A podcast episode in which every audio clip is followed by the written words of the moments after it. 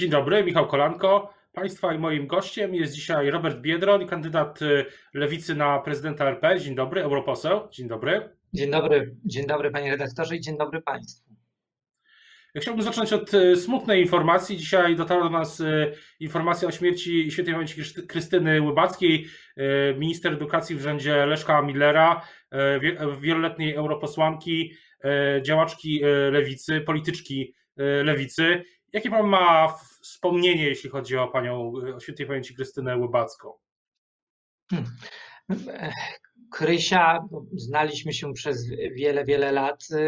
Pani minister Łybacka, posłanka nasza lewicowa, była po prostu, może przede wszystkim, wielką damą polskiej polityki. I tak wszyscy ją zresztą e, publicznie nazywali. Jej E, empatia, mądrość, e, wrażliwość, e, nawet wobec największych konkurentów politycznych zawsze mm, sprawiały, że zjednywała sobie ludzi, że potrafiła łączyć, a nie dzielić. A to w polityce jest wielka umiejętność, bo przecież polityka często polega na podziałach, na różnicach, a Krysia zawsze szukała tego, co wspólne, a nie tego, co oddzielne. I to jest y, dla nas wszystkich smutny dzień. I widzę też y, z różnych stron sceny politycznej, jak y, dzisiaj składane są kondolencje, to też jest dowód na to, że Krysia wybijała się ponad pewne schematy, pewne podziały i jej bardzo brakowało polskiej polityce, która dzisiaj e, e, potrzebuje, łaknie bardzo właśnie tej jedności, tej solidarności, tej empatii i mądrości, którą miała Krysia. To jest e, bardzo smutna informacja. Dziękuję za to wspomnienie. Ta smutna informacja dotarła do nas dzisiaj. Będziemy wspominać świętej pamięci Krystynę Łybacką też w najbliższych godzinach, dniach. Ale chciałbym teraz już przejść właśnie do tej polityki, o której pan, pan mówił. Dzisiaj Lewica, dzisiaj pan przedstawia plan. Z tego co pamiętam, o 11 jest planowana konferencja prasowa i ten plan Lewicy dotyczy wyjścia Polski, polskiej gospodarki, jak rozumiem, polskiego społeczeństwa z tego kryzysu. Czy może pan uchylić rąbka tajemnicy, jakie są jego główne założenia lub jakie są pomysły stojące za tym planem? Tak, ten plan będzie się nazywał Zdrowa Polska, Nowa Nadzieja. Taki będzie miał tytuł, dlatego że dzisiaj, e, kiedy politycy kłócą się o stołki, kiedy e, odwracają uwagę jakimiś kompletnie niepotrzebnymi sporami, zresztą do niczego nie prowadzącymi, e, pewnie o tym będziemy też rozmawiali, to ludzie potrzebują nadziei, ludzie potrzebują planu na wychodzenie z tego głębokiego kryzysu, bo mamy do czynienia nie tylko z kryzysem zdrowotnym, ale będziemy mieli zaraz już to widać, są pierwsze przecież symptomy tego. Będziemy mieli do czynienia z kryzysem gospodarczym, a później e, z kryzysem społecznym. I te trzy wielkie kryzysy wymagają poważnej, mądrej odpowiedzi. I dlatego e, dzisiaj zaproponuję taki szczegółowy plan nie tylko e, odmrażania gospodarki, bo to trzeba robić bardzo ostrożnie, ale przede wszystkim doprowadzenia do tego, żeby nikt nie został z tyłu. Nie chodzi tylko i oczywiście o E, wykluczenie społeczne, ale także gospodarcze. Przecież jest mnóstwo osób, które pracują na umowach cywilnoprawnych, zostały wypchnięte poza rynek pracy. Oni nie mają dzisiaj żadnych oszczędności i państwo musi mieć plan, co dalej z tymi ludźmi. Co dalej na przykład z tymi, którzy stracili natychmiast pracę. I o tym wszystkim będę mówił i dawał konkretne propozycje. Bo to jest tak, że premier Morawiecki mówi o nowej e, normalności, E, do której w którą Polska wejdzie. Pani minister, pani wicepremier Emilewicz mówi, że w lipcu e, rozpocznie się, zakończy się odmrażanie gospodarki, ale ja mam takie wrażenie, że, mm, że nie wiemy jeszcze, czy rząd nie, nie proponuje jeszcze żadnej odpowiedzi na pytanie, jak zmieni się Polska po koronawirusie, bo już teraz analitycy, politycy, dziennikarze, ale przede wszystkim naukowcy wskazują, że to jest największa zmiana, że koronawirus, epidemia wprowadzi największą zmianę po II wojnie światowej w, w porządek państw. Więc pytanie, czy w tym planie będzie też chociaż część odpowiedzi na to, jaka będzie ta nowa Polska. Przede wszystkim będzie to właśnie odpowiedź na to, jakie wyzwania czekają nas w najbliższym czasie, nie tylko tygodnia, miesiąca, ale najbliższych lat. To będzie taki nowy plan dla Polski, nowy plan, który będzie w kontekście oczywiście europejskim. Przywódcy europejscy już dzisiaj pracują nad nowym planem e, Marszala dla Europy i Polska powinna w tym aktywnie uczestniczyć. Ja jako europoseł, jako polityk, który ma wiele kontaktów właśnie z liderami europejskimi, zamierzam także E, e, w tym uczestniczyć. I no to nie jest też tak, że to jest tylko i wyłącznie plan przedstawiony przez lewicę i my będziemy e, tutaj go bronili jak niepodległości, nie dzielili się z nim. Ja chciałbym, żeby ten plan stał się także elementem innych dyskusji. Chętnie będę rozmawiał z prezydentem Dudą i z premierem Morawieckim i z innymi, innymi siłami politycznymi, jak rozwiązać konkretne problemy Polaków, bo dzisiaj problemem Polaków nie jest nie są wybory prezydenckie, to są, to pewnie zaprząta głowy garstki polityków, ale to, że tracą pracę, że szpitale są niedoinwestowane. Wiele szpitali powiatowych prawdopodobnie e, po tym, co nas spotkało, e, jeżeli ta polityka rządu będzie kontynuowana, która jest dzisiaj, po prostu zostanie zamknięty, bo nie będzie środków na utrzymanie. Jak słyszę prezydenta Dudę, który obiecuje tutaj kolejne plusy, obawiam się, że te dwa plusy, tak jak w matematyce, czasem mogą dać minus i to będzie to jest, wielkie nieszczęście. Skoro już Pan wspomniał o prezydencie Dudzie, to chciałbym zapytać o jedną wypowiedź prezydenta, która wczoraj padła i która e, zaczęła krążyć też w mediach społecznościowych, która e, być może zwiastuje, co nadchodzi, ponieważ prezydent Duda stwierdził chyba pierwszy raz jako pierwszy polityk Zjednoczonej Prawicy, że będzie apelował o to wprost, żeby najbogatsi e, nie pobierali świadczenia 500. E, co pan na to? Czy to jest zapowiedź? E, czego to pana zdaniem, o czym to świadczy? Bo trochę wczoraj było takie zderzenie. Rano czy, czy, czy w południe prezydent Duda podpisywał z panią wicepremier, z byłą premier Beatą Szydło ten plan Polska Plus, a wieczorem w jednej ze stacji mówi, no bogaci nie, po, będę apelował, że bogaci nie pobierali 500. O czym Pana zdaniem to świadczy? To, to, świadczy przede wszystkim o tym, że ten rząd jest słaby wobec silnych, a silny wobec słabych. E, słaby wobec silnych, bo co to znaczy apel? Apel może pozostać e, odpowiedzią lub bez odpowiedzi. W takich sytuacjach najczęściej zostaje bez odpowiedzi, bo nikt nie będzie pewnie dobrowolnie zrzekał cię tego świadczenia. Świadczenia powinny być skuteczne, co to znaczy my jako lewica mówimy, że one powinny pomagać tym, którzy potrzebują tej pomocy, którzy realnie naprawdę potrzebują pomocy, jeśli chodzi o e, na przykład wsparcie dla e, rodzin wielodzietnych czy e. Dlatego mówimy na przykład o gwarantowanym świadczeniu, które będzie na wypadek, kiedy ludzie pracą, tracą teraz i to, to można to nazwać takim świadczeniem powszechnym, które będzie przyznawane wszystkim tym, którzy zostają dzisiaj bez pracy, bez środków do życia. To, są, to jest realna pomoc. I apele prezydenta Dudy na nic się nie zdadzą, bo one mogą być wysłuchane albo nie mogą być wysłuchane. Wszystko zależy od dobrej albo złej woli tego, do którego się apeluje. Potrzebne są konkretne rozwiązania i prezydent Duda po raz kolejny pokazuje, że nie ma żadnej mocy sprawczej, że tak naprawdę mm, klucz do wszystkich programów, do e, tego, co może obiecać prezydent Duda, leży gdzie indziej, leży na Nowogrodzkiej, to Jarosław Kaczyński będzie decydował, y, jak będą wyglądały tego typu programy.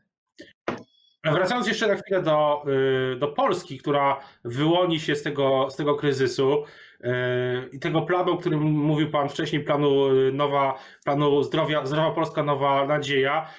Uważa Pan, że to będzie Polska, w której czy czy, będą, czy te nierówności, to zależy też od polityków oczywiście, e, od dyskusji politycznej, od też e, w pewnym sensie od mediów. Czy to będzie Polska, w której te nierówności, o których się tak wiele mówiło, e, różnice między Polską dużych miłości, czy te różnice też poziomu wykształcenia, zatrudnienia, kapitału kulturowego, czy to będzie Polska, w której te równości będą większe czy mniejsze? Jak pan sądzi? Po koronawirusie. Ten, ten kryzys obnażył jedno, że dzisiaj potrzebujemy, dzisiaj mamy państwo teoretyczne w wielu sferach, to znaczy brakuje nam dobrych usług publicznych, dobrych szpitali, które byłyby przygotowane na przykład na takie zagrożenia. Co z tego, że mamy świetny personel medyczny, jak on jest nisko opłacany, jak szpitale są niedoinwestowane, ba, nawet są zadłużone. Co z tego, że mamy świetnych nauczycieli, jak edukacja w Polsce przez lata była niedoinwestowana. Co z tego, że wypchnęliśmy 3 miliony ludzi na samozatrudnienie albo umowy y, śmieciowe, jeżeli oni dzisiaj są w tragicznej sytuacji finansowej i dotyczy to nie tylko ich, ale także ich rodzin państwo musi być, musi świadczyć dobre usługi publiczne i dbać o każdego. My na lewicy od dawna mówiliśmy, rozwiązaniem jest nowoczesne państwo dobrobytu, państwo, w którym wyrównuje się szanse, państwo, w którym, e, w którym zawsze mierzymy siłę e, budowy mostu e, najsłabszym ogniwem, bo inaczej ten most się po prostu zawali i on dzisiaj w momencie próby po prostu się zawala i lewica będzie wierna swoim postulatom. Ta niewidzialna ręka wolnego rynku dzisiaj w dobie kryzysu nie działa. To nie prywatne szpitale czy przychodnie ratują dzisiaj masowo e, Polki i Polaków. To e, szpitale publiczne są na pierwszej linii e, walki Ale z koronawirusem. Dzisiaj o tym piszemy. Dzisiaj o tym piszemy na jedynce Rzeczpospolitej. Moja koleżanka, redaktor Karolina Kowalska pisze o tym właśnie, że o tej bardzo, bardzo bulwersującej sytuacji dotyczącej, dotyczącej pacjentów z koronawirusem odsyłanych ze szpitali, ze szpitala, szpitali prywatnych. Ale chciałbym jeszcze e, zapytać o jedną rzecz. E, poza już wątkiem dotyczącym gospodarki i społeczeństwa, bo pytanie jest o, o wybory, bo te wszystkie postulaty, o których Pan mówi, może realizować albo prezydent, albo później nowa większość sejmowa, ale pierwsze wybory, które nas czekają, ostatnie w tym cyklu czterech wyborów to są wybory prezydenckie 10 maja. Co z nimi? Jaki, jest, jaki tu jest pomysł? Bo wczoraj swój pomysł zaprezentował e, Borys Budka. No i pytanie, co, co by było, gdyby, e, gdyby pan był w Sejmie, albo co będzie pan rekomendował swoim kolegom, koleżankom, posłankom i posłom lewicy, senatorom? My, po pierwsze, my jako lewica, zamiast układać się z Gowinem i z Kaczyńskim, jak robi to dzisiaj Platforma Obywatelska, y, przedstawiamy nasz y, plan na rozwiązania dotyczące y, kryzysu związanego z koronawirusem. My mm, zajmujemy się przyszłością Polek i Polaków, ich bezpieczeństwem, a nie dealami i konszachtami z Gowinem. I dzisiaj wybory prezydenckie siłą rzeczy powinny zejść na trzeci czy czwarty plan. I mm, ta propozycja, która jest y, na stole Borysa Budki ma jeden poważny mankament. Jest y, po prostu kapiczonem, ponieważ żeby mogła wejść w życie, to nie tylko trzeba wejść, y, zawrzeć pakt z diabłem, czyli z Jarosławem Kaczyńskim, bo przecież Gowin jest asystentem Kaczyńskiego w tych rozmowach, ale, przed, ale musi być podpisana przez prezydenta Dudę. Duda musiałby e, podpisać ewentualne zmiany e, legislacyjne, żeby to mogło wejść w życie. Duda nigdy tego nie zrobił, to jest naiwne. No tak, ale z drugiej, jest... ale z drugiej strony, jeśli, jeśli prezydent Duda odmówi podpisania, załóżmy, że ta, bo to będzie poprawka do ustawy, do kodeksu wyborczego, jeśli ona nawet przejdzie przez Sejm, e, głosami zarówno opozycji, jak i Jarosława Gowina, ale jeśli prezydent jej nie podpisze, to wtedy znajdujemy się w sytuacji, w której wybory 10 maja, a to byłoby na kilka godzin, że tym terminem musiałoby się odbyć e, e, za pomocą tradycyjnie, a nie wiem, czy będzie to możliwe, no i przede wszystkim jest to, byłoby to ogromnym zagrożeniem zdrowotnym.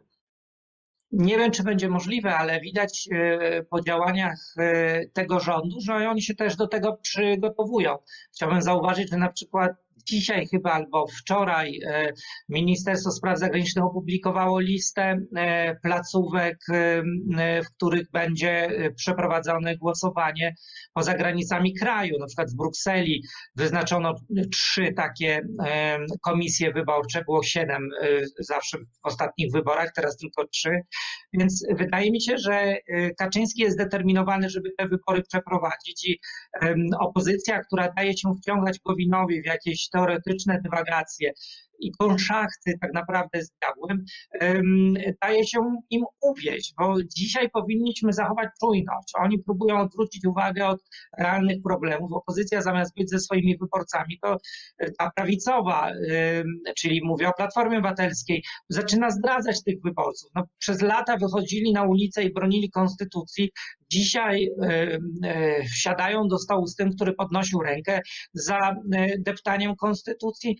To nie jest logiczne i to nie jest fair wobec swoich wyborców. Też jestem rozczarowany. No tak, ale, ale wybory, no tak, ale z drugiej strony wybory jednak e, no, są. Mówi pan, że to nie jest główny temat, no ale no, zgodnie z konstytucją muszą się odbyć. I to, I to jest rzeczywistość, przed którą żadna siła polityczna nie jest w stanie nie jest w stanie tej rzeczywistości zmienić. Pytanie tylko, jak się ma to stać. No i Budka, wcześniej PSL, przedstawia jakąś ścieżkę.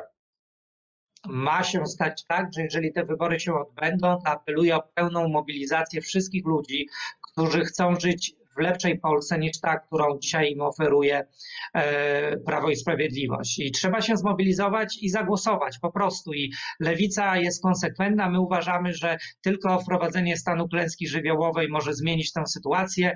Jeżeli wybory się odbędą, czy to w maju, czy w innym terminie, trzeba e, za pomocą korespondencyjnego głosowania, czy jakiegokolwiek innego, po prostu iść i zagłosować, bo dzisiaj e, Andrzej Duda może nie wygrać w pierwszej turze.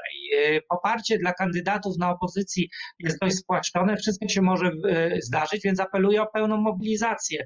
E, apeluję o to, żeby szczególnie elektorat lewicy, który ostatnio udowodnił swoją siłę, 2,5 miliona głosujących poszedł i zagłosował, żebyśmy wybrali Polskę naszych marzeń, a nie Polskę byle jaką, Polskę, w której za każdym razem na kogokolwiek głosujemy, wyskakuje COVID czy głosujemy na Platformę, czy głosujemy na PiS, to zawsze wyskakuje nam Kowin albo Giertych. Ja chcę Polski, w której będziemy mieli e, e, inne standardy w polityce i dlatego e, nie można się poddawać i dać zwieść tym wszystkim scenariuszom, w których tam się mówi o zmianie konstytucji. To o zdrowych zmysłach będzie pozwalał otwierać dyskusję o zmianie konstytucji. Przecież to jest pułapka Kaczyńskiego. On tylko czeka, żeby opozycja pozwoliła mu tam gmerać w tej konstytucji.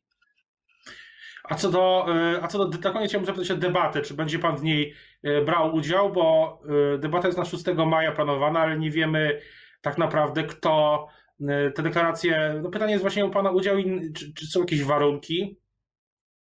Panie redaktorze, ja w przeciwieństwie do innych kandydatów wykorzystam każdą sytuację, żeby spotkać się z prezydentem Dudą i wykarnąć mu te wszystkie złe rzeczy, które robił przez ostatnie pięć lat i powiedzieć mu, dlaczego nie pozwolę, żeby był prezydentem e, nie tylko przez e, najbliższe pięć lat, ale nawet przez najbliższy rok. Nie będę traktował z żadnymi gowinami, że mu przedłużać kadencję, bo wiem, że jest nieudolnym prezydentem, który jest wiernym sługą swego pana, a ja chciałbym, żeby prezydent był sługą e, Polek i Polaków, bo na to się umówił w Konstytucji, dbał nie o dobro partyjne, ale o dobro wspólne, na które się umówiliśmy też w Konstytucji. Więc pójdę na każdą debatę, gdzie będzie e, Andrzej Duda, żeby e, z nim rozmawiać o mojej wizji Polski, także o tym planie zdrowej Polski, nowej nadziei. Tak rozmawialiśmy, nowy plan Lewicy, dzisiaj prezentacja, o ile się nie, ile się nie mylę, o 11.00. Teraz już bardzo dziękuję e, za rozmowę Państwa i moim gościem. Dzisiaj był kandydat Lewicy na prezydenta Rzeczpospolitej, e, europoseł Robert Biedron. Dziękuję bardzo, życzę dobrego dnia i dużo zdrowia. Dziękuję, dużo zdrowia również. Wszystkiego dobrego dla Pana i Państwa.